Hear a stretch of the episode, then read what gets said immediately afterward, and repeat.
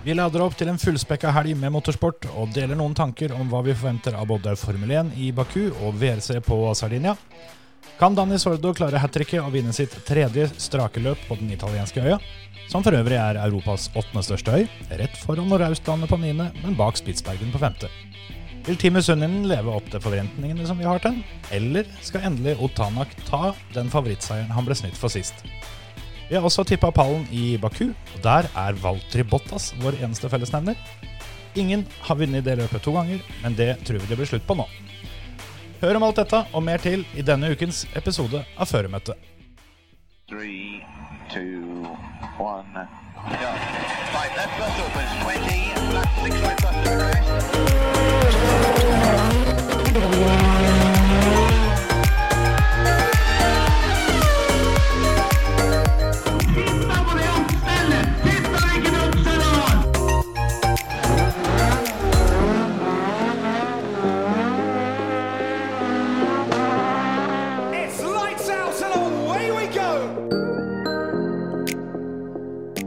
Velkommen til en ny episode av Føremøtet.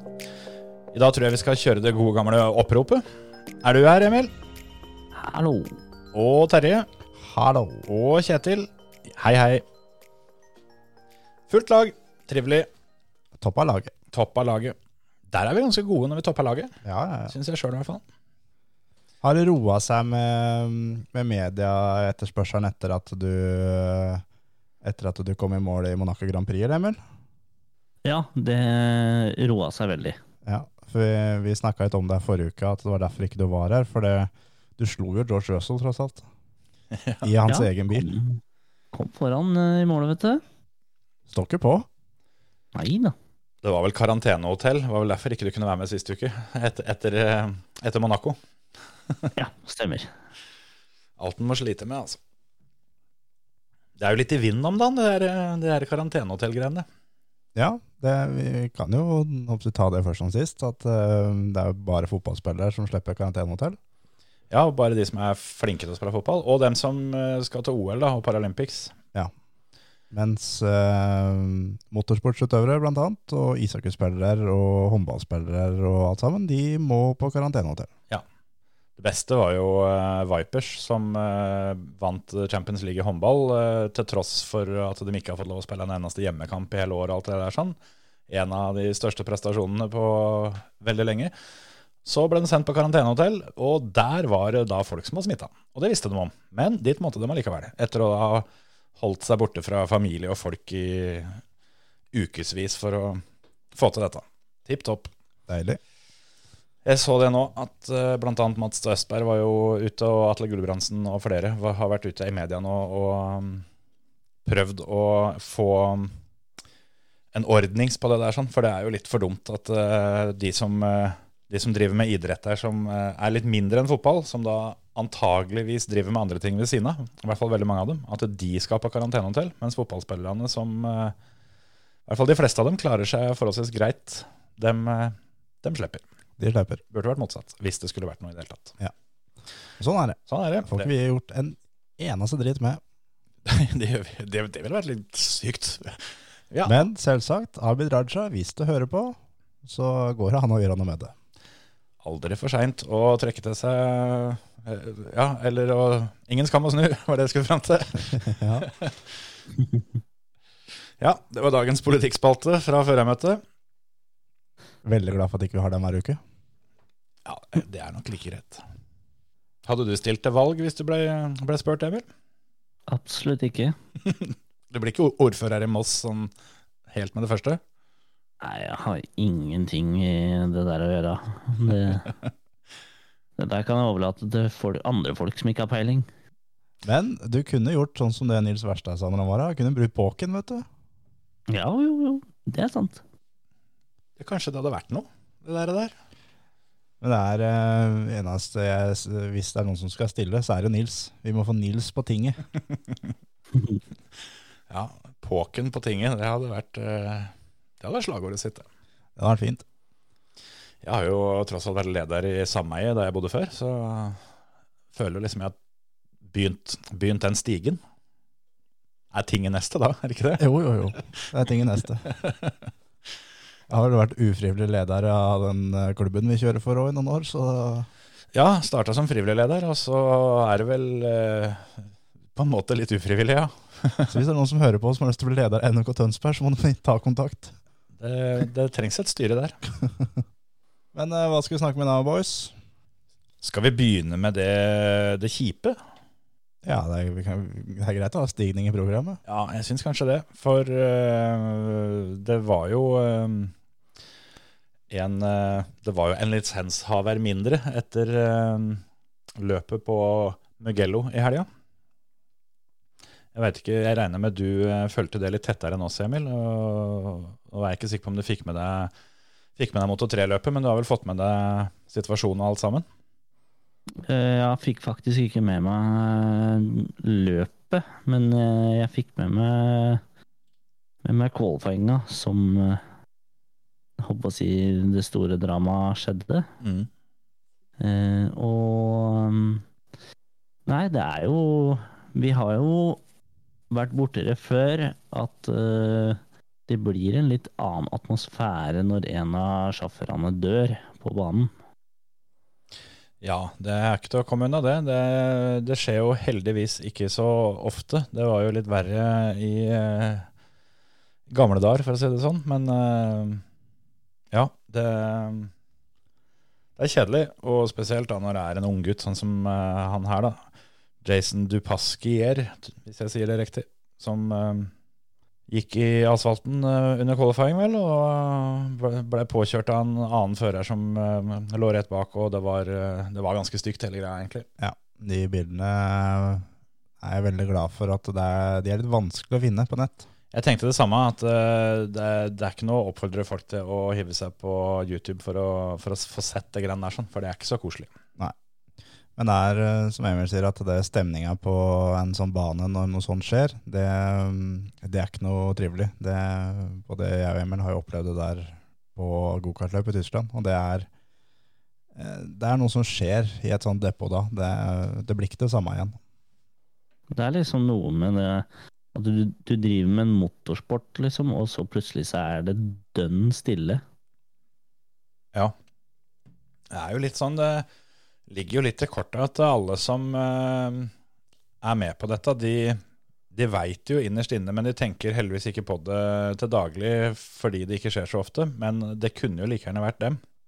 Og det er jo en påminnelse du får rimelig, rimelig brutalt, da. Det er han fyren som uh, står ved siden av deg på startgriden forrige helg, kanskje, når han uh, plutselig ikke er der lenger, så, så blir det blir det plutselig veldig virkelig. Det gjør det. Det var eh, veldig kjedelig at det skjedde, men eh, som jeg forsto, så kjørte de MotoGP-løp uh, allikevel den helga, Emil. Ja da, de kjørte både Moto 3, Moto 2 og MotoGP. Og det er jo, det er jo sånn når en tenker som sjåfør sjøl at skulle gå ille, så vil du jo ikke at det skal stoppe av den grunn. Tenker nå jeg, i hvert fall. Ja, Jeg er helt enig. Jeg ser den der, der faktisk. Det, det, for, øh, for veldig mange så virker det sikkert fryktelig sært at, øh, at show goes on, på en måte. Men øh, Det er noe de fleste som driver med det her som aktive utøvere, det er noe de kanskje ville ønska. At, eh, at eh, hvis det skulle skjedd noe, så er det bare å fortsette. For det, det, er, eh, det høres kanskje litt rart ut, da, men han som da gikk bort her nå, han gikk jo bort med, mens han gjorde det han syntes var mest moro i hele, hele verden. det er sant. Så det, det er jo en fin måte å på en måte Det blir litt annen racing den helga òg. Det blir jo litt mer sånn Du blir litt mer klar over eh, liksom hvor heldig du er. Du, alle har kanskje litt mer respekt enn den helga, og, og um, blir litt mer eh, fair eh, racing, for å si det sånn. Det er, det er en fin ting, og, og um, han hadde helt sikkert satt pris på det. Ja, Vi får håpe det. Så får vi håpe det blir lenge til noe sånt eh, skjer igjen. Men De fortsatte jo å kjøre løp, så vi får jo kanskje titte litt kjapt innom åssen det gikk. I hvert fall i toppklassen. Ja, der eh, begynner det jo på spenning allerede før eh, lyset hadde slokka. For der, eh, der ble det rett og slett kø på vei inn på plata for et par av gutta. Og godeste Johan Sarko break-sjekka litt uh, han godeste Enea Bastianini og tok rett og slett en, eh, en salto inn i ræva på, på Sarko på plata. Deilig. Prøvde å sitte på med han foran. Ja, det var nesten så han klarte det òg. Ikke, ikke bare han med hele sykkelen òg. Det hadde vært litt sheriff hvis du bare får hoppa bakpå. Hoppa bakpå og så bare tatt eh, grep om man boobs på han som sitter klar på sykkelen der. Spenne ned gir og Ja, det er bare gir ned for grøvere skau, da. Ja, nei, så det, det var uh, tydelig at det kom til å bli action, og det blei det jo. Det var jo spennende å se, fordi det er jo en bane som eh, Yama gjør det bra på. Og, og Fabio Quartararo hadde jo tatt pole. Eh, ikke bare det, men eh, de har også fått en ny holdshot device, som det heter. Altså launch control, for å si det på enklere måte. Ja. Som eh, de egentlig har slitt med, da, mot disse dukatene spesielt.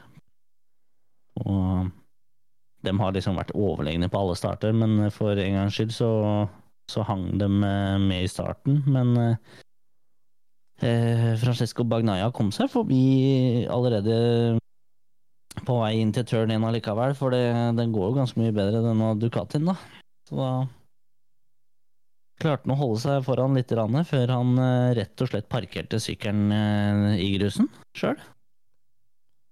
Helt aleine. Helt dønn aleine.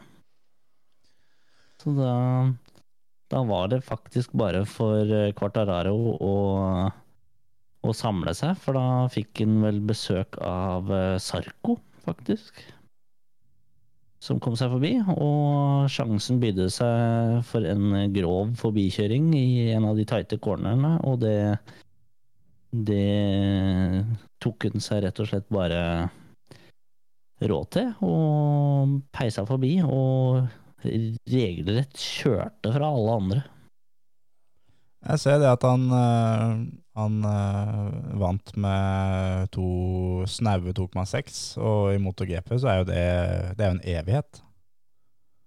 Ja, og han eh, lå på et tidspunkt der litt over fire sekunder foran, så da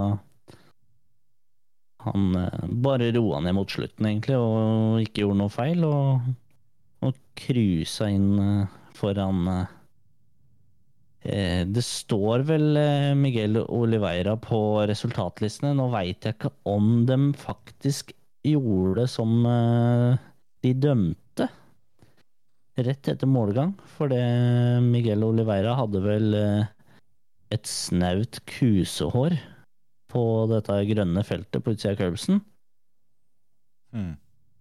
og ble dømt for eh, for track limits på siste runde, og ble egentlig degradert én plass, men eh, den offisielle lista sier at han er på andre, så det er mulig de eh, protesterte på den eh, dommen.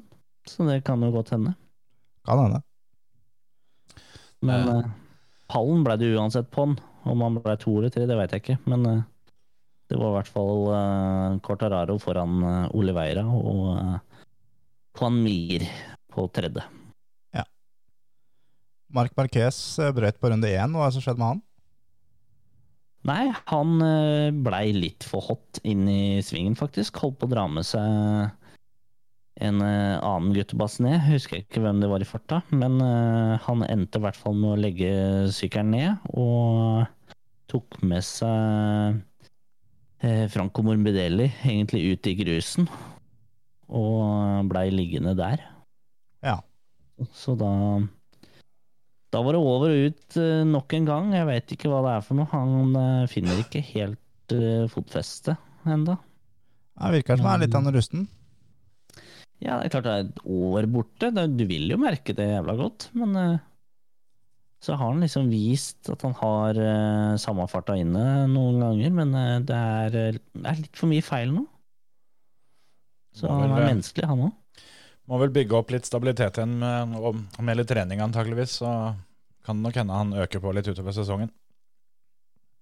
Ja, så det skal ikke se bort ifra det. Og, og um, Alex Rins var jo sammen med Juan Mir mot slutten der, og egentlig henta inn eh, Oliveira. Og uh, parkerte også i grusen, så da gjorde jo det at våre flotte Valentino Rossi-fans fikk eh, litt å juble for, for han ble nummer ti i helga. Så da Det er perfekt. Jeg så han eh, Han eh, er i tenkeboksen på om han skal fortsette å kjøre etter eh, 2021-sesongen.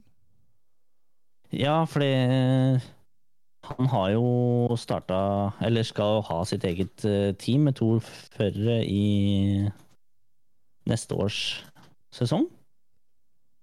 Så der har de vel bestemt seg for eh, Ja, de skal kjøre Ducati, faktisk. Med da VR46-teamet, som det heter, og samarbeid med Grisini. Tøft, tøft, tøft. Så det blir spennende å se da, om han tar den ene plassen sjøl, eller om han uh, finner to lovende. Han må, nå må det være nok snart, vel. Nå er det på tide at han kan eh, stå på sidelinja og se på at de andre får vondt. Han føler jo da at han har enda, men han føler at han har, eh, ikke har en sykkel som passer nå. Så da Ja, Det er jo på en måte for seint å gi seg på topp allikevel, så han kan jo like gjerne bare gni det ut, det som er igjen. ja, ja. ja. Jeg så jo det Det har vært flere eh, som har diskutert om både Fettel og Raikon og alt sammen, og at nå må de egentlig få gitt seg. At det er litt samme med Rossio, at det klarer å kjøre mo- MotoGP og får det til. Så hva er vitsen med å stoppe da? Ja, Det er jo en fyr som kjører alt som er på to hjul på fritida, og er med dette VR46 eh, Kall det akademiet hans, for det er vel det det er, faktisk. Et eh, helt hav av eh, Moto 2, Moto 3 og MotoGP-sjåfører og alt mulig. Så det er jo mange som har eh, gått hele veien til eh, MotoGP gjennom eh, akademiet hans. Så han har jo liksom Han kan jo bare velge fra øverste hylle blant de unge og lovende, egentlig. Ja, Og hvis det er en som da veit åssen skal se etter talenter, så er det også da han. Ja. Det er jo altså Franco Morbidelli som som gjorde det veldig bra, bra i fjor, og har egentlig gjort det bra siden han kom til MotoGP. Kom jo, kom jo fra dette akademiet, da. Og er teamkompis med ham i år. Ikke sant? Mm. Så det, han viser jo at sykkelen er eh, verdig en, eh, en topp tre-plassering eh, støtt og stadig, han. Så det blir spennende å se. Det spennende. Skal vi si at det var det for MotoGP for denne gang? Ja, det, det er det. Får vi håpe at vi får anledning til å prate om andre løp som uh, går på Mugello. Antageligvis Antakeligvis ikke denne sesongen, men eh, det hadde vært gøy å ha et Formel 1-løp der ennå. Absolutt. Og for dem som lurer, så er det allerede løp eh, til helga på Catalunya. Noe annet som uh, ble kjørt i helga, var jo det siste løpet i Simracing Grand Prix. Så da, var den, eh, da er den sesongen ferdig, og da er det jo bare å gratulere Sindre Setsås med NM-tittel. Det blei ble som vi spådde, at han hadde forholdsvis OK kontroll gjennom, eh, gjennom sesongen. Og syns vel i grunnen han viste litt på det siste løpet, og at eh, det er ikke noe tvil om at han er best. Han eh, sikra sammenlagtseieren allerede i sprintløpet, og eh, i hovedløpet så uh, starta han jo da åtte og lå litt baki der ei stund. Og så begynte han å jobbe litt, og jeg veit ikke om det var fordi han at det, at det ville gått sånn uansett, eller om det var fordi at NM-tittelen var sikra så han kunne på en måte kose seg litt mer. Men uh, den oppkjøringa han hadde der, syns jeg var, uh, var ganske heftig. Så han satt uh, et par streker under svaret der. Og NM-tittel med 50 000 kroner i pengepremie pluss uh, alle andre pengepremier han har fått for enkeltløp uh, gjennom sesongen, det tipper jeg kommer ganske godt med. Det er jo nok også hovedgrunnen til at han uh, var med og kjørte. Ja, det vil jeg tro. Han sa i intervjuet etterpå at dette var en av de største, største Prestasjonene. Ja, prestasjonene, resultatene som han har hatt, både i simracing og i virkeligheten. Så han, eh, han holdt denne høyt, og det var tydelig å se at han var eh, veldig fornøyd med å sikre denne seieren. Så um, får vi se da om det blir like gildt når det skal kjøres neste gang. Det var jo en sesong som eh, vi vi skrøt fryktelig mye av dette her sånn før sesongen begynte. Uh, opplegget og ikke minst premiepotten og alt sammen. Men uh, jeg er kanskje ikke like imponert nå som sesongen er over.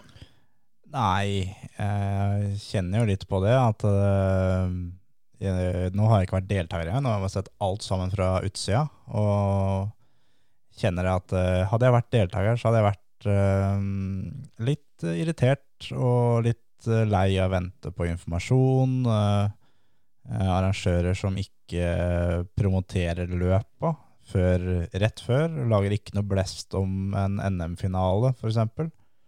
Eh, før det da blir etterspurt av deltakerne at det skal dere ikke snart begynne å gjøre noe. Eh, først da så ble det promotert litt, og protester og straffer som kommer seint, og det er eh, De er absolutt eh, veldig, veldig flinke, for all del, men eh, de har fortsatt et stykke igjen å gå før det er skikkelig, skikkelig, skikkelig bra. Ja, det, det jeg tenker litt der, er at uh, dette er jo en offisiell NM-serie som, uh, som deler ut en offisiell NM-tittel fra Bilsportsforbundet. Og Bilsportsforbundet er jo ganske tungt ute og sier at de, eh, de skal satse ganske hardt på e-sport. Så når vi da har SRGP og vi har det andre Dirt Rally-NM som eh, vi har prata mye om før, som har vært eh, et shitshow uten sidestykke, egentlig.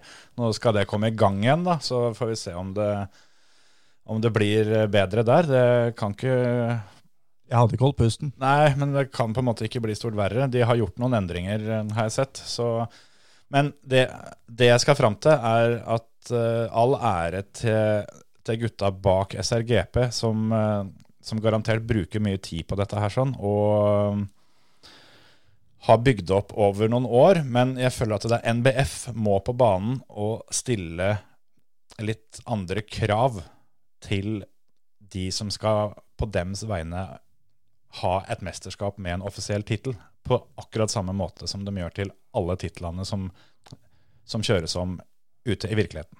Ja, helt enig. Mm.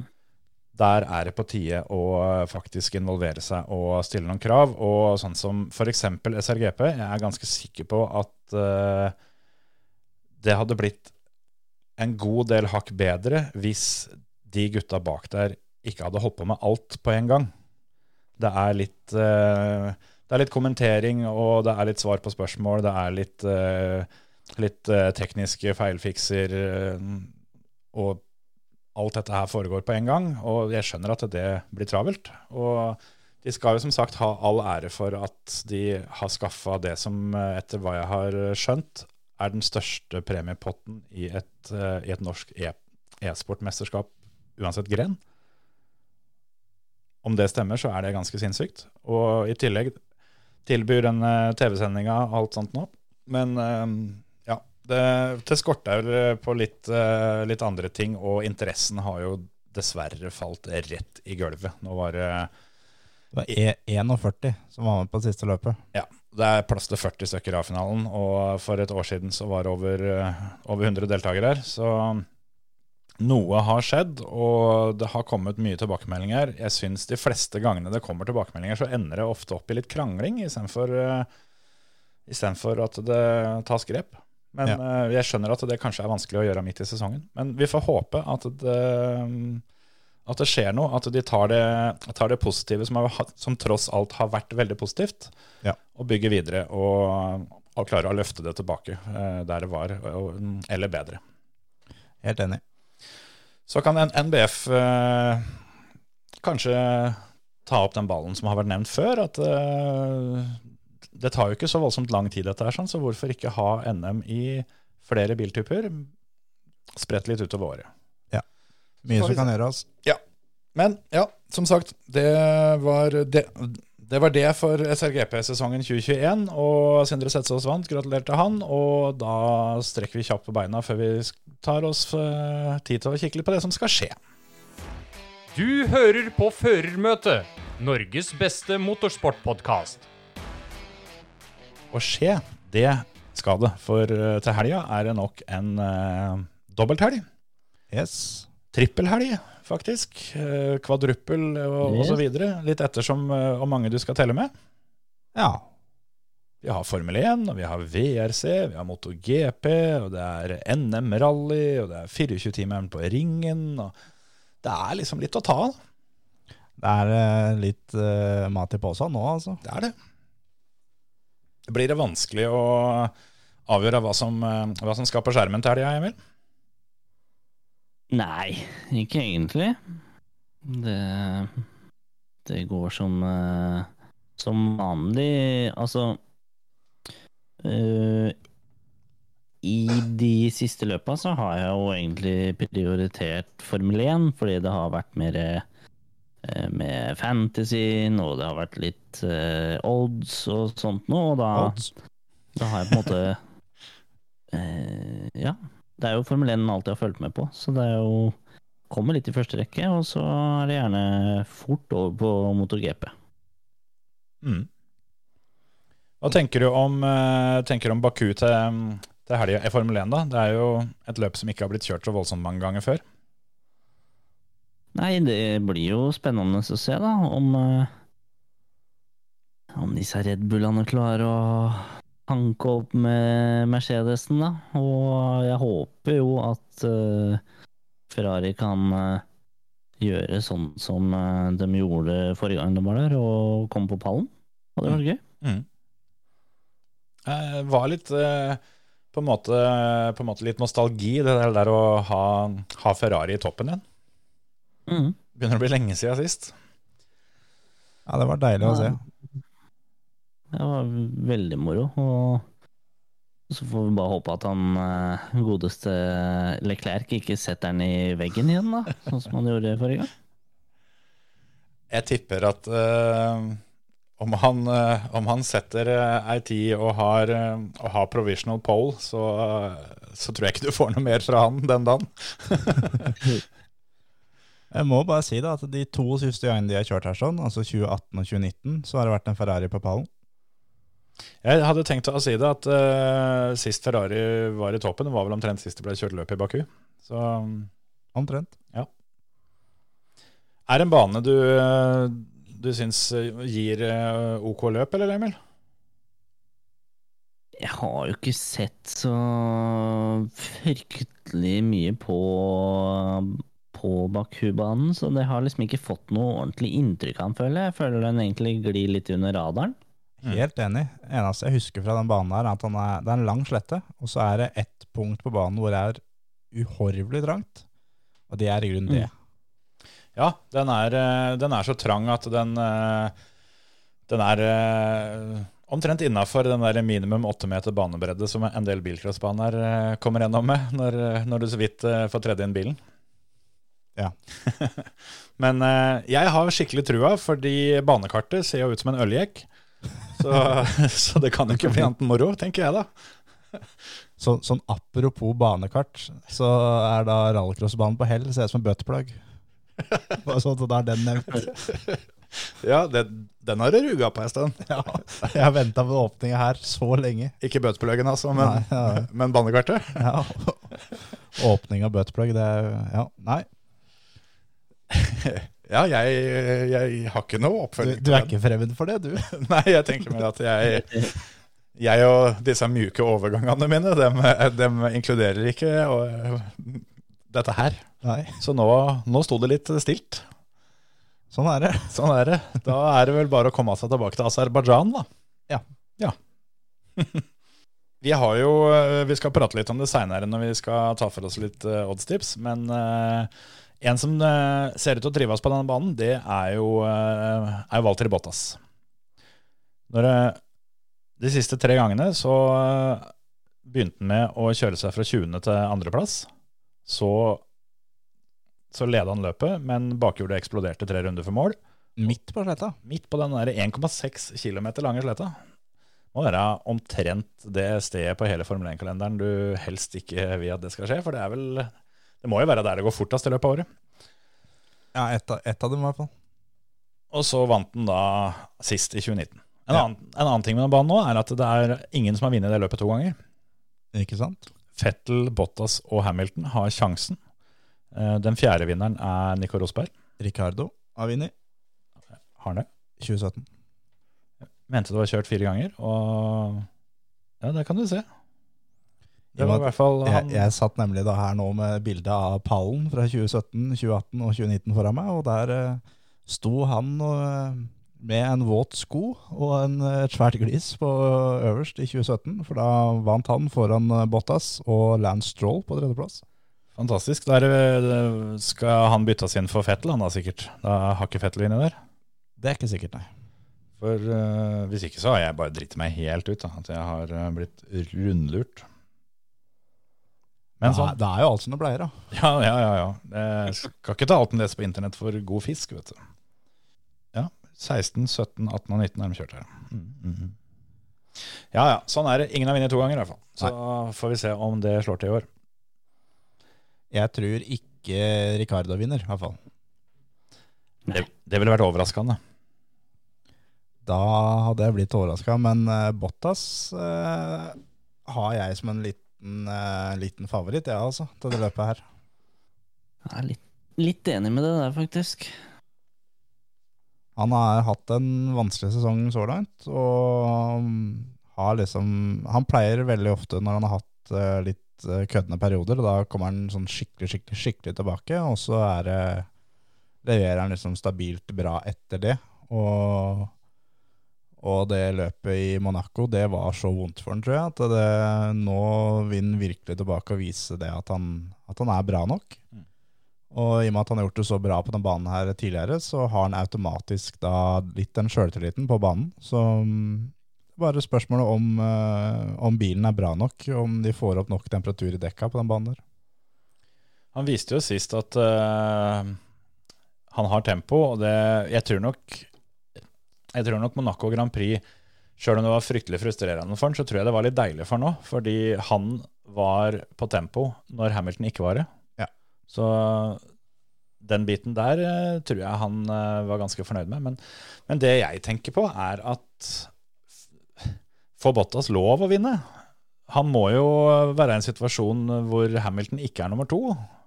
For alt peker jo på at, eh, at det forholdet mellom Toto Wolff og Abottas, det, det er ikke så veldig varmt om dagen. For nå har det vært mye de siste ukene. Og Det er veldig, veldig veldig mye som er vridd i media, da. jo da, det er klart, men eh, vi må jo ta utgangspunkt i det som er. Men, men sånn som Det er jo ikke det er jo ikke media som eh, på en måte vrei at Toto Wolff faktisk sa at det var Bottas' feil eh, at han måtte bryte, når, eh, når han ikke, ikke hadde parkert riktig i pitboksen sin.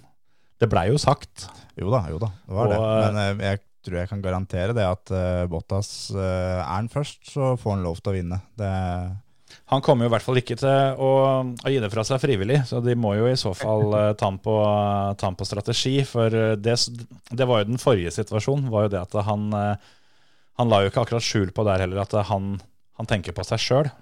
Ja. Uh, og nå som sesongen har gått som det har gått, så, så har jo VM-tittelen allerede forsvunnet for han. Så nå er det jo enkeltløp og, og enkeltresultater som er det han, han skal kjøre for. Men det er vel antageligvis da stikk motsatt av Toto Wolff sitt ønske, for han tenker jo konstruktørmesterskapet. Ja, og det, jeg tror ikke at uh, Mercedes kommer ikke til å være i en sånn posisjon at de kommer til å kunne bruke uh, teamordre. Så der tror jeg det kommer til å være at uh, den av de to førerne dem som starter først, han får den beste strategien. Mm. Og den andre, eh, som forhåpentligvis for Mercedes en del, er nummer to. Han skal holde unna for Red Bull bak. Ja, det, det er jo som sagt eh, ganske sikkert at førsteprioriteten er konstruktør-VM. Så de vil jo helt sikkert dra det til veldig seint uansett, da, før de begynner å ta noen ordre. Men det, det, blir, det blir spennende å følge med åssen det der, der går, hvis, eh, hvis de er i en posisjon hvor de, hvor de har muligheten til det. Ja. Så er det jo er det Peres, da. Han øh, kjører jo fort i løp og ikke så fort på kvall. Kanskje, kanskje vi skal få se at de er oppe med be begge biler igjen nå. Det var jo det på Imola, men da blei det et litt spesielt løp. Så får vi se om det er. Jeg har litt trua på at McLaren kan være en, eh, en kjapp bil på den banen. Så da er jo Lando Norris Han fortsetter jo hele tida å imponere og, holde seg i toppen der, så han blir en mann å følge med på. Ja, jeg har trua på Lando, altså. Jo, Lando burde, burde klare å holde peisen oppe, han. Det er jo, det er jo som vi snakker om eh, hver gang, da, at momentum, du skal aldri undervurdere det. Nei, absolutt. Det er Sjøltillit er eh, noe av det viktigste for å kjøre fort i motorsport. Det er bra med selvtillit i den eh, unge briten om dagen, tror jeg. Det, tror jeg ikke det skorter på i det hele tatt. Nå ligger han på tredjeplass i, eh, i VM etter fem løp. Det er, det er fem vi har kjørt. Eh, ja. Har eh, ni poeng ned til Bottas. Så um, kommer jo Peres og Leclerc eh, og for så vidt Sainz også ganske kjapt bak der. Så det er ikke så lange vei ned til da Sainz på sjuendeplass. Så det er mye, mye som kan skje, og en del førere som er med, er med i fighten. Det, det er ingen Det har holdt telefonen på å gå til helvete. Nå har jeg fått kjøpt meg en sånn uknuselig deksel, sier de. That's a challenge. Men ja Hiv den i eh, veggen. Kom igjen. Hiv den i veggen. Ja, men det har jeg sett at de, eh, de har gjort. Det har de testa for meg, for det, det så jeg på en reklamefilm. Ja, men Da er det ikke noe farlig. Kom igjen, hiv den i veggen. Ja, De har til og med skyter på Ja, den. men hiv den i veggen, da. Nei, ja, det var nesten. Det var nesten. Nei da, men eh, sånn er det. Skal vi um, Skal vi tippe pallen? Vi kan tippe pallen. Emil begynner. Oh, b -b -b -b Bottas, Verstappen, Leclerc. Da tar jeg Bottas, Peres, uh, Hamilton.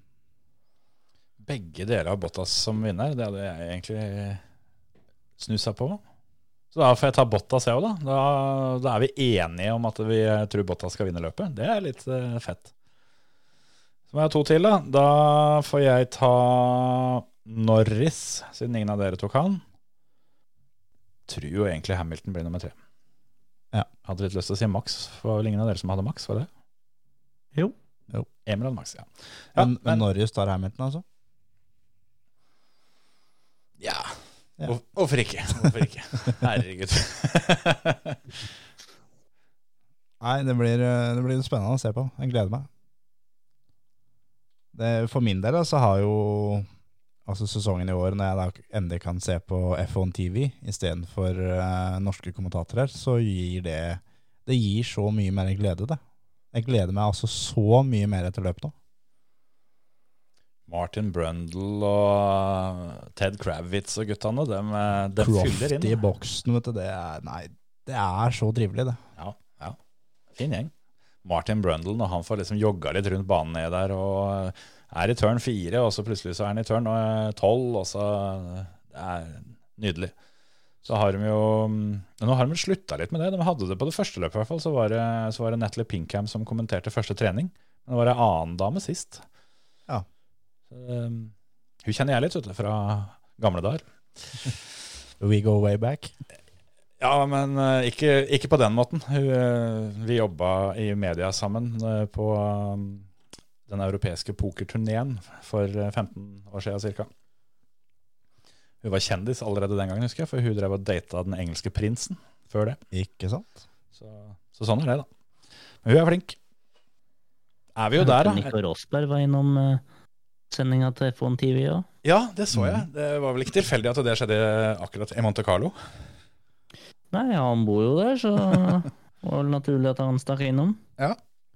De har jo da Rosberg er med en gang iblant, og Button er med en gang iblant. Han er med ganske mye. De har seg ganske mye Mye sånn inside kunnskap.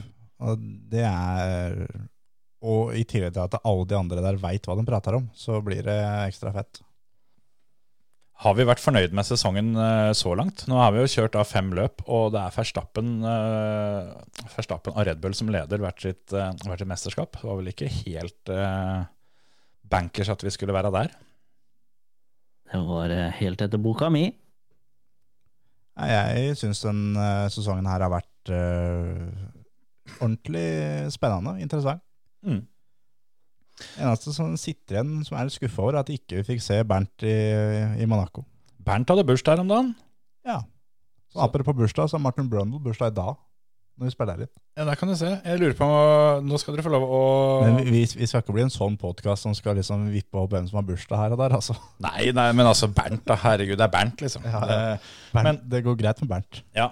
Da skal dere få lov å tippe hvor gammel er Bernt. Og 63. 58. Da tipper jeg 50, og det er riktig. Ja. Hvor mange sesonger har han kjørt den sikkerhetsbilen? 12. Da er den Eh, konkurransen ferdig, for det 12 er rett. Hei. Så der kan du se. Det var nok om Bernt for denne gangen. Ja. Skal vi eh, snike oss over til eh, Sardinia og snakke litt VRC? Det kan være. Og ta litt om det òg. For eh, det er ikke så lenge siden forrige løp der heller. Det var jo like lenge siden som det var Formel 1-løp, for så vidt. Omtrent. Da fikk vi sesongens første, første grusløp i Portugal, og nå følger de opp med et nytt grusløp. Og ting er forholdsvis likt eh, med tanke på startposisjoner og den slags. Eneste er at uh, Timo Sunninen kommer inn igjen i VRC og starter bakerst, Ja, rett og slett. Han- og at Han starter eh, vel foran Lobé, da, for, det, for det Lobé har fortsatt null poeng. Og Sunninen har vel fått med seg noe sånn småtteri Ja. fra den R5-kjøringa si. Og at Sordo starter eh, et par plasser lenger fram enn det han gjorde forrige gang. Ja, starta sju nå istedenfor ni. Jeg veit ikke om du fikk det med deg, Emil, men eh, forrige gang så når du heiv ut, uh, heiv ut eh, Gus fra, fra bussen, så da løsna det jo for han. Ja, han tenkte tydelig et spark i ræva. Men betyr det at han, at han er inne igjen? Eh, nei. Ja, da får jeg ta den jobben. For jeg skal si det på forhånd, sånn at det ikke blir eh, så mye pes i etterkant, at eh, jeg har Gus på laget. Ikke sant. Det um, fins jo ingen enklere måte eh, å få gjenoppretta status quo på enn at jeg tar den inn på fancy-laget sitt. Det Ja, da går det til helvete. tipper at de gutta på TK Mål på SSN de behøver ikke å holde pusten mens de venter på han, for det er nok over lenge før den tid. Ja, Det er nesten sånn at han, eh, han bilen som skal kjøre med hengeren for å hente, han kan egentlig starte, trenger ikke vente tre minutter etter Gus. Han kan bare begynne Idet det, i det Gus drar av, så kan han også begynne å kjøre etter. Han kan prøve å henge på dit det går. Vi får se. Nei, han, eh, han imponerte faktisk eh, så mye Det sist. var å dra det langt. Nei, men eh, det kommer et poeng her. Ja. Eh, for å omformulere litt, da. Han kjørte så fort sist at uh, det er jo ingen annen konklusjon her enn at uh, den Forden må være helt sjukt bra. Ja, det er akkurat det. Og derfor, så, som vi snakka litt om sist òg, det hadde vært uh, fryktelig moro å sette den Forden med en bedre sjåfør bak rattet. Og nå får vi jo det i form av Sunninen, sjøl om jeg mener at han, han er ikke helt på samme hylla som de gutta i toppen. Men han er nå i hvert fall ei hylle eller to eller tre over disse to som har kjørt, med Formå og Greensmith. Ja, det er han. Så derfor eh, blir Sunninen med bra startposisjon og det som ser ut til å være en veldig bra bil. Jeg tror det kan være så sjukt at eh, den fokusen faktisk er bedre enn Toyotaen. Fiesta. Ja, fokus det er noen år siden. Det er en stund siden. Ja, det er stund siden. Men den var så kul at det, liksom, det får den ikke helt ut av huet. Nei. Men ja, den Forden, da. Jeg, eh, mitt uh, outside-tips er at Sunnien leder etter dag én. Jeg sa det samme om Sordo forrige gang, men eh, jeg holder på den med Sunnin nå. Ja, ja. Nå skal jo dessverre ikke Oliver Solberg kjøre allikevel, for du hadde jo, hadde det tipset sist, at han skulle være topp tre. Ja. Så uh, nå er det på en måte ikke like mye baller på blokka. Det er ikke det. Kanskje greit. For det er har seg sånn at uh, Petter Solberg har uh, fått uh, koronavirus, og derfor så må Oliver da i karantene, Mm. og får dessverre ikke da lov til å stille til start. Hadde han gjort det, så hadde han fått eh, samme straffa som det Ole Kristian Weiby har fått. Ja, Det skal For det er en ganske identisk eh, situasjon. Ja, det er det. Og um, ja, jeg tror vel uh, Jeg tror vel at, at Solbergs sitter faktisk i Portugal i karantene enda. Ja. Det var i hvert fall det som var utgangspunktet sist jeg så noe om det. Uh, Veiby uh, får jo da heller ikke, ikke kjøre. Nå har jeg ikke hørt noe mer om uh, Jeg går ut ifra det er en slags ankesak på gang der, så vi får bare vente og se noen nyheter. Men uh, Andreas Mikkelsen han er frisk igjen, og han skal kjøre løp. Ja. Så det er Mikkelsen og Østberg som eh, er eh, våre landsmenn i denne konkurransen. De skal kjøre WLC2 begge to. Og vi går ut ifra at begge to blir litt sånn skuffa om ikke de vinner. Det tror jeg absolutt. Det er flere, eh, flere som skal være med om, eh, om den kampen der. Nå skal jo Formå er jo da nede igjen da, for å kjøre R5 eh, etter at han har bytta med Suninen. Og så er det litt ukjente navn her og der, men er Lappi påmeldt, f.eks.? Det er han ikke. Da er det Mikkelsen, Østberg og Bulasia, da. Og Gryasin og Jari Hutun Dem kan og. Kaitan, Kaitanovic. De kan jo yppe seg litt, de, men i utgangspunktet så skal jo da dette her stå mellom Østberg og Mikkelsen. Ja, det skal det. Og Formå. Ja, Formå. Han, eh, han kan jo også melde seg på. Han har nok også litt sjøltillit etter de to siste, siste VRC-løpa sine. Men så er det da i VRC da, så er det jo Otanak eh, er jo igjen en storfavoritt. Har starta bil nummer fire på veien. Akkurat som sist. Akkurat som forrige gang. Og eh, det så jo jævla bra ut lenge forrige gang, men så gikk jo det lukt åt helvete, for å si det pent. Ja, det var jo teknisk eh, svikt på bilen som gjorde at hjulopphenget på høyre bak bare ga seg, uten at han hadde vært borti noen ting, ifra han sjøl. Det er litt sånn nå at eh, skal det her gå veien i år, så må det må begynne nå. Ja, det burde definitivt begynt eh, forrige løp, så Ja. det begynner faktisk å bli litt eh, plunder for han. For eh, Tanak har 45 VM-poeng og ligger på fjerdeplass sammenlagt. Sebastian Augier leder med 79, og Elfen Evans er på andreplass med 77. Ja. Så er det 25 poeng for å vinne løpet. Ja. Du kan få 30 hvis du tar med deg Power Stage. Så um, sjøl om han vinner og, uh, både løp og Power Stage, og Augier og, uh, og Evans uh, begge to får null poeng, så er han ikke bedre enn nummer tre, i beste fall. Nei, det er akkurat det. Det er vel liten tvil om da, at han er sulten, og han viste jo sist at det, det går fort nok. Det er ikke der det butter. Det er bare å få dette her til å holde. Så Tanak eh, er i min bok nok en gang den store favoritten. Det er han. Skal vi tippe pallen igjen? Emil, du kan få lov til å begynne nok en gang. Ja, nå gidder jeg ikke å ta Tanak, for det det til på meg. Så da Da tar vi Eh, Jeg kan ta Neville, Sordo, Rovampere. Ikke dumt. Fin den. Vil du ta neste, Kjetil? Nei. Nei. Da tar jeg uh, Sunin, Tanak, Evans. I den rekkefølga? Ja. Det er rått. Jeg eh, Da tar jeg eh, Jeg tar Sordo Tanak Evans. Ja. Evans eh, har jeg egentlig ikke trua på, men det, det er bare ikke mulig å avskrive den. For det, alle de andre har hatt minst ett løp hvor ting har gått til helvete. Han, eh, har, eh, han holder seg helt oppe i, oppe i VM-toppen på akkurat det som vi har pratet om før. Han, han er der hver gang. Ja.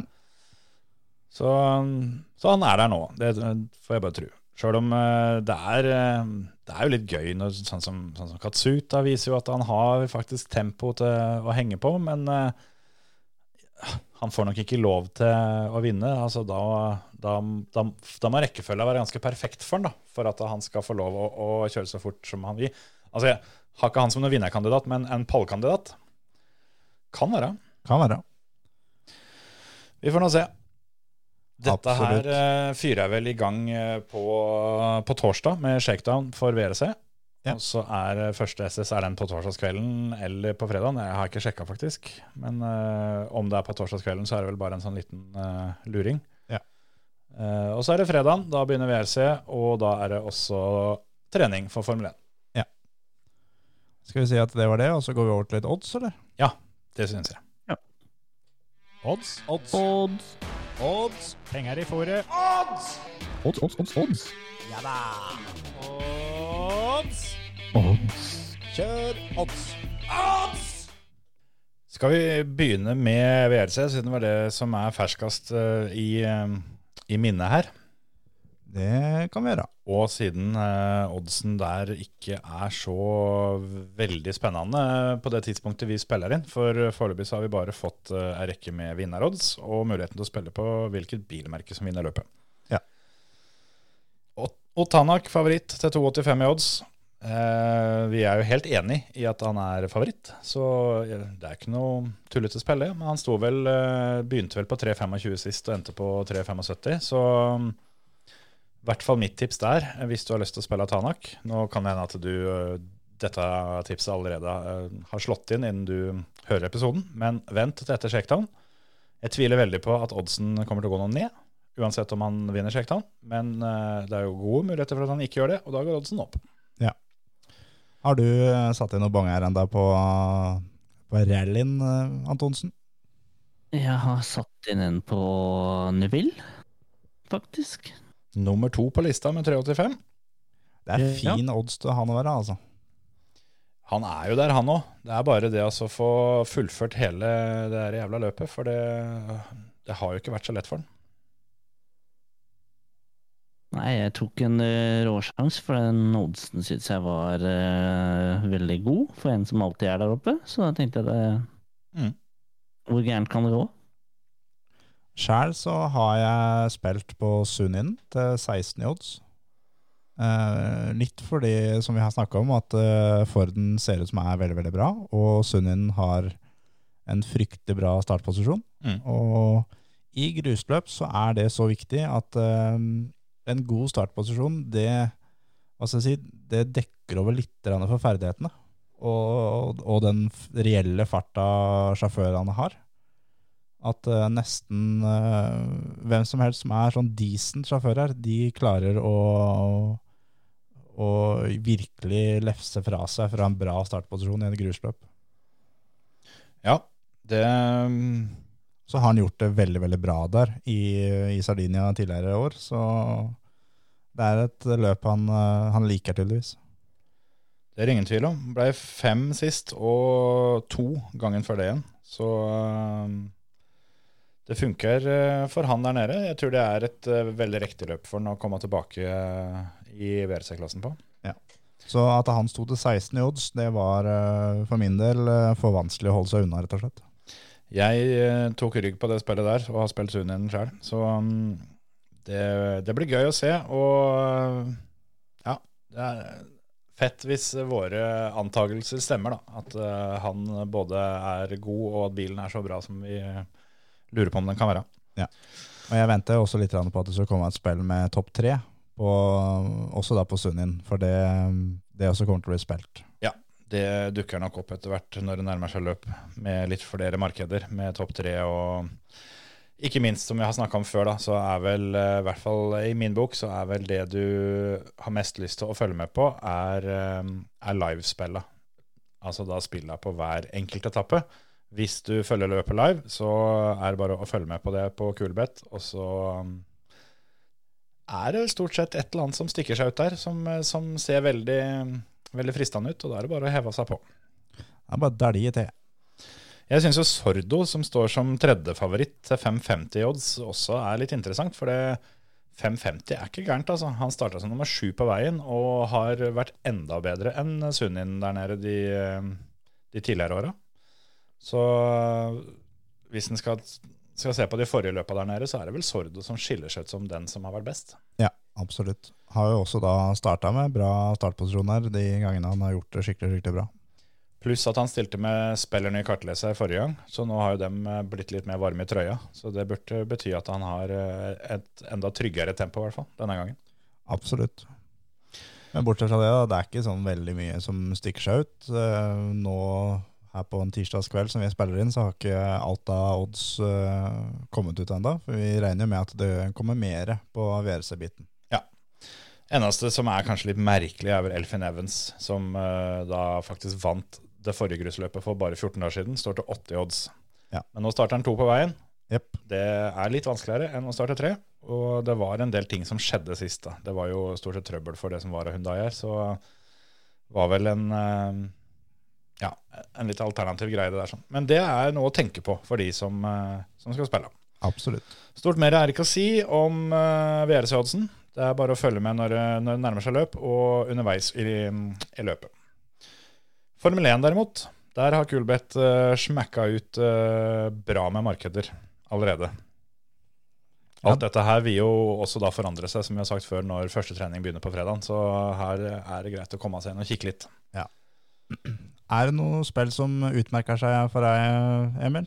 Som du liksom har tenkt at det her må jeg bare kline til med en gang før det er for seint? Mm, Ja, jeg har jo på en måte prøvd på noen morovarianter, da. Sånn som uh, førstetreninga, da. Der har vi jo vært uh, gode, men der har jeg vært litt uh, vågal denne gangen. Ok?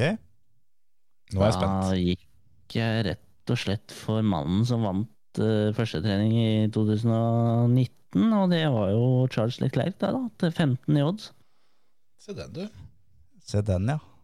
Den, eh, den er ikke dum. Det, for det er sånn Vi har treffet på hver førstetrening så Ja. langt i år. Det er press nå, gutter. Vi er, vi er nødt til å treffe. Og sjæl så tenkte jeg litt på Landon Norris, som står til 21. Men McLaren har vært så dårlig på treningene. De har først våkna til kvalen hver gang. De har eh, Altså, det virker jo ganske åpenbart at de driver og sandbagger treninger. Ja, Eller så tester de til, på racefuel og Ja, det er jo Altså, de, de sandbagger er jo ikke sånn at de kjører sakte med vilje, men at de aldri kjører eh, så fort de kan, da. Fordi de gjør noe annet isteden. Mm. Så vi får liksom ikke se det ekte farta. Men det har jo, det har jo gitt noen eh, sånn oddsmessig, da. Det har jo gitt noen ordentlig gullkalve før. For det, de starter gjerne kvalen og, og ikke minst løpet da med en ganske saftig odds fordi det har gått dritt på trening.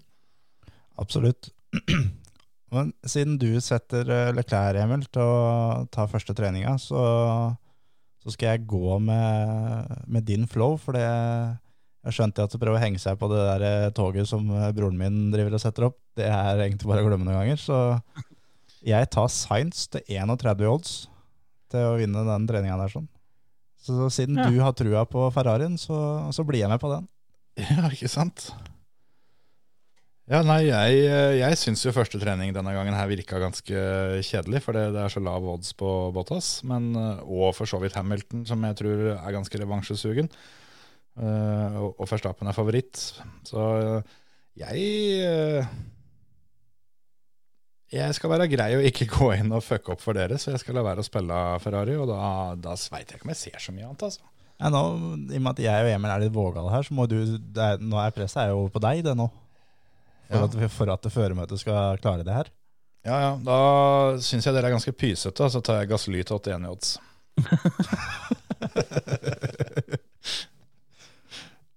han, han har jo vært oppe og, oppe og briska seg litt da, innimellom, så vi får se.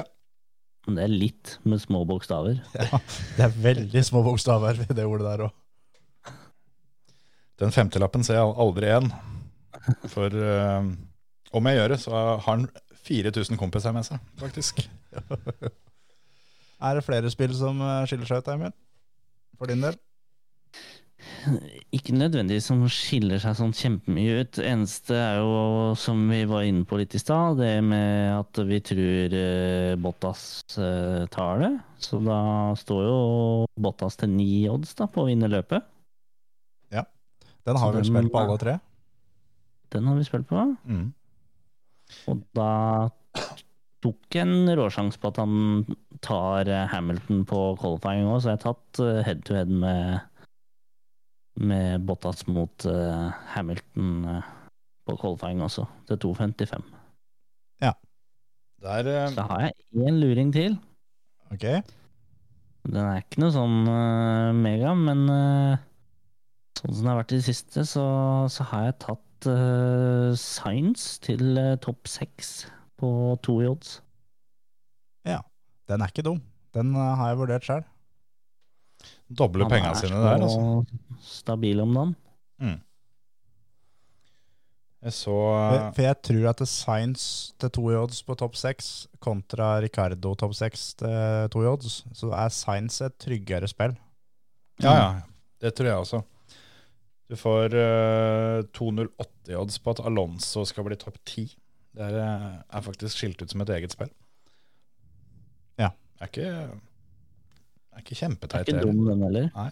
Og så er det samme med Sebastian Vettel til to i odds for å bli topp ti. Den også med den, eh, ja, som jeg snakket om før, den sjøltilliten han fikk etter Monte Carlo. Mm. Så kan nok han levere et eh, bra løp den gangen her òg. Tror du det endelig var proppen som gikk ut her, Terje? Kan hende.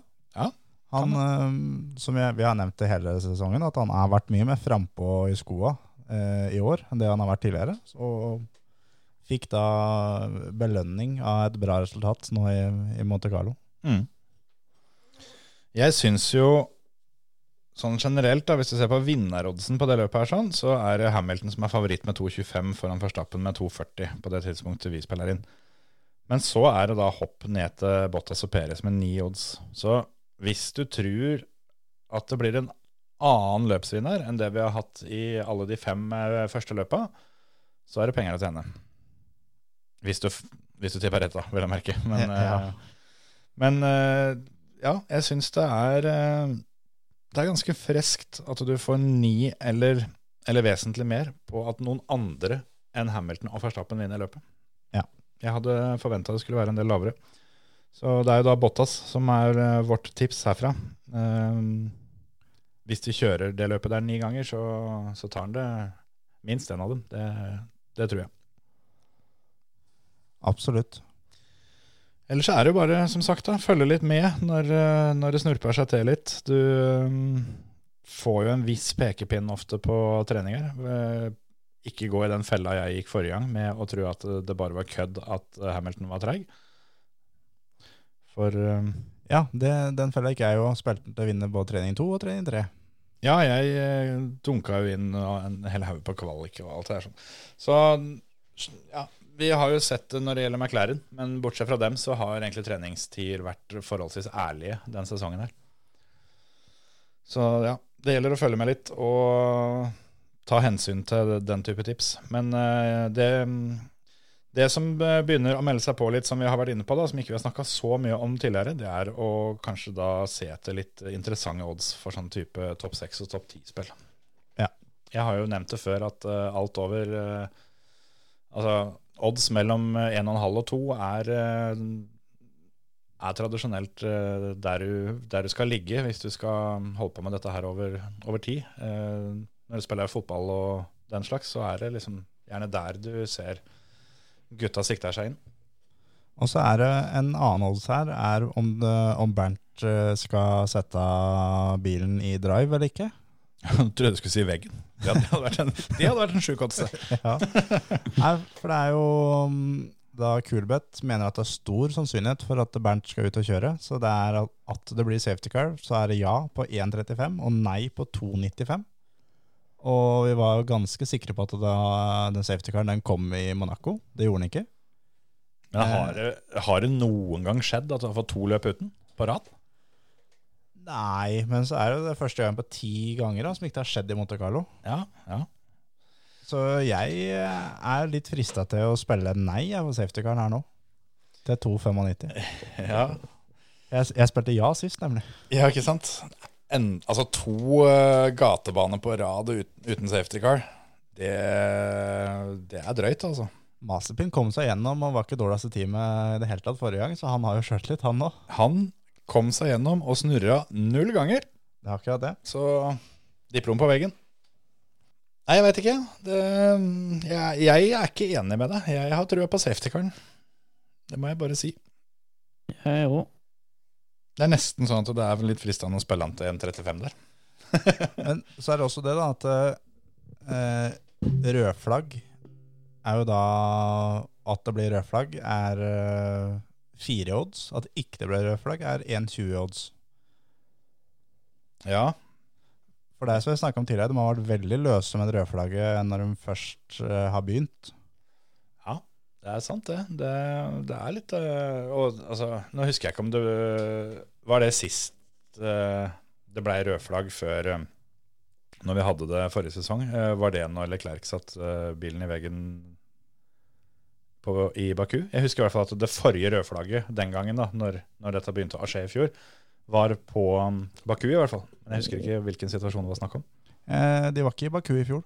Nei, men um, Ja, 2019, Ja. Ja, det, ja, det kan hende. Jeg husker ikke om den uh, førte til rødflagg, den når han eh, parkerte på det trangeste stedet på banen. Det gjorde nok det.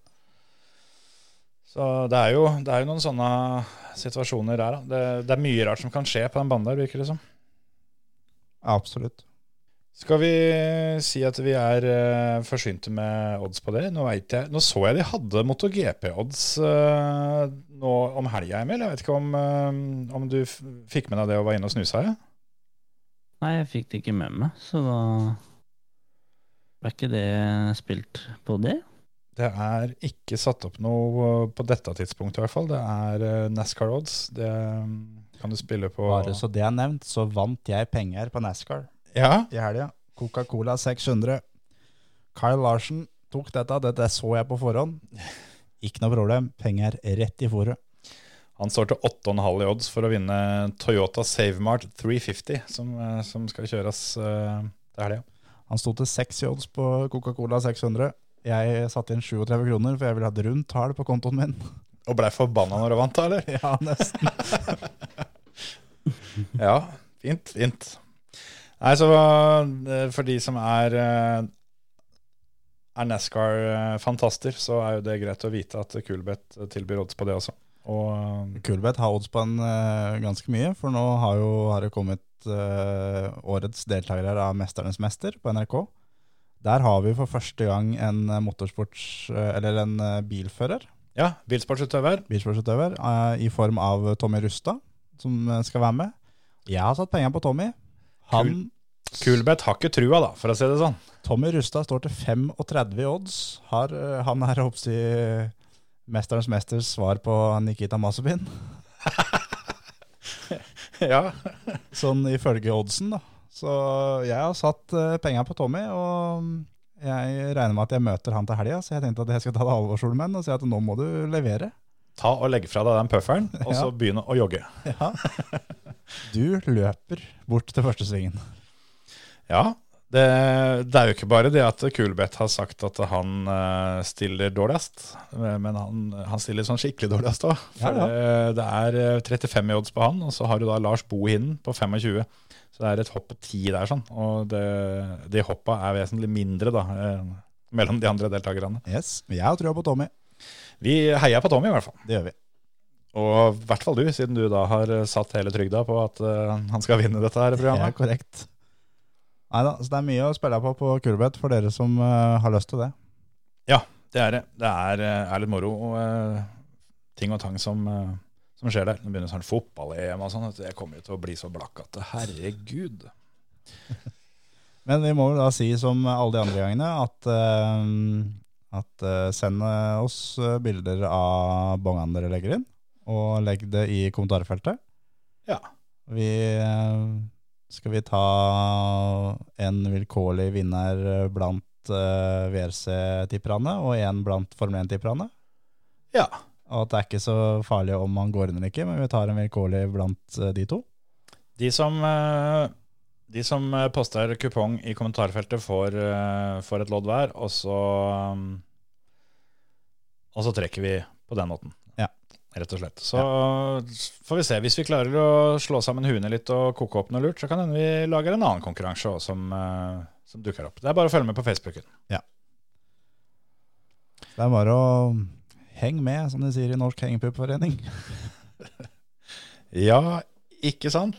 Da er vi Nå er det så tørt her at jeg veit ikke helt om vi har eh, noe comeback fra dette.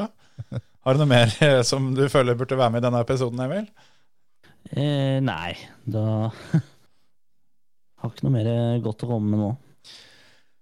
Det er eh, bare å si lykke til til både alle medlemmer i Hengepupforeninga og andre, de som skal kjøre NM-runde i rally på Aurskog-Høland til helga. Der har det vært pause sykt lenge, så det gleder jeg meg om å snakke om til uka. Ja. Lykke til. Da er det mye vi skal snakke om, så det er vel bare å begynne å lade opp. Absolutt. Ha det, folkens. Ha det. Ha det.